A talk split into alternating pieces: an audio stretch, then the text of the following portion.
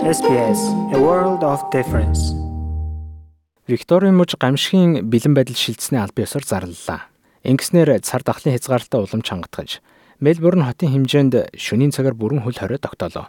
Олон нийтийн эрүүл мэндийг сахин хамгаалах зорилгоор цагдаагийн байгууллагаас нэмэлт эрх мэдлийн хүрээнд хүмүүс шаардлага тавих хэрэгтэй болж байна.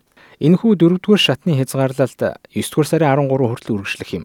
6-7 хоногийн чангатгсан хөл хоройн 6 сарын хингийн хөл хоройноос илүү дээр гэдгийг мужийн захирагч Дэнэл Эндрюс хэлж байлаа.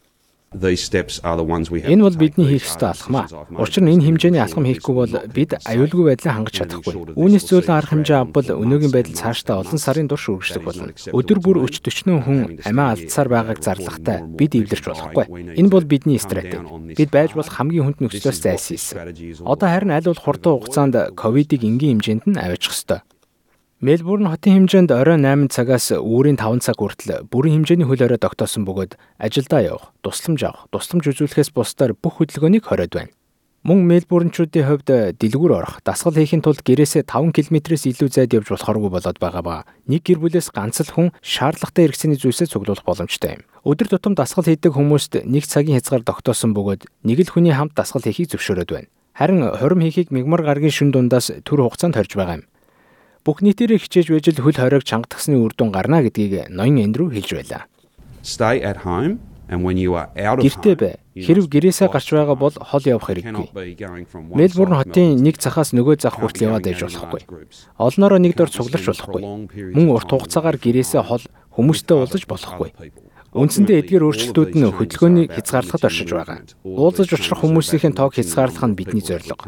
Дасгалт сургуулалт хийх нь ч үүнд хамаарна. Энэ бол дуршлаг суух боломж. Энэ бол цар тахал болоогүй мэд. Энэ бүхэн бодит биш мэд. Бидний нүүр тулж буй хамгийн том сорилт биш мэд ажиллах боломж бидэнд байхгүй. Харин ч энэ бол бидний цаг үе дохиож буй хамгийн хүнд сорилт юм.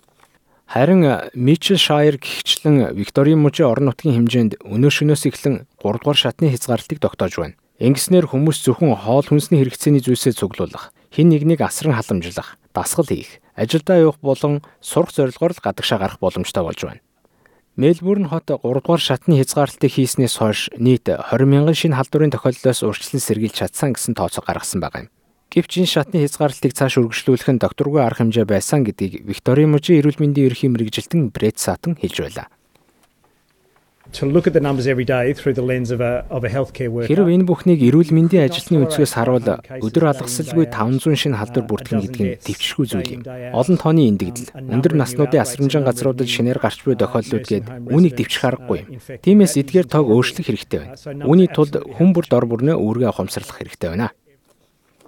Эцэг их нь ажилдаа явах зайлшгүй шаардлагатай болон эмзэг бүлгийн хүүхдүүдээс бусд нь мигмар гаргийн шүн дундаас эхлэн гэрээсээ хичээллэхээр болоод байна. Коллеж их сургуулиудын хувьд ч гэсэн алсын зэн сургалтад шилжихээр боллоо.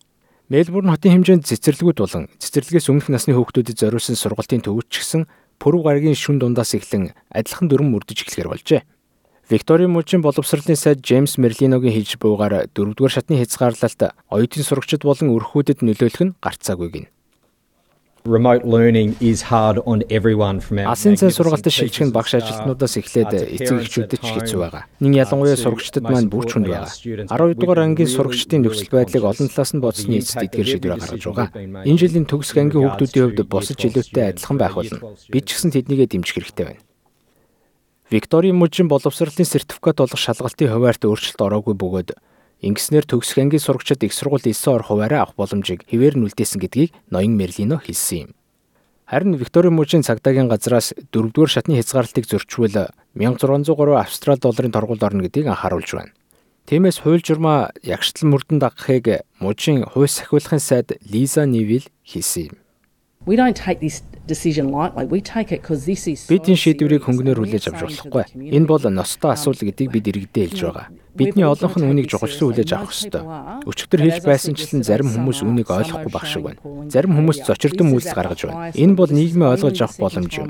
Энэ бол хамгийн дээд шатны буюу гамшигын төвшөнд шилжиж байгаа хоёр дахь тохиолдол. Хэрв цагдаагийн байгууллагын хүчийг үзэх гэж байгаа хүмүүс байгаа бол бид бүх хүчээ үзүүлж чадхаар байгаа шүү. Үүнтэй адилхан бусад нэвтрүүлгийг сонсомоор байна уу? Apple Podcast, Google Podcast, Spotify эсвэл та өөрийнхөө сонсдог апп ашиглан манай нэвтрүүлэгтэй хавд байгаарай.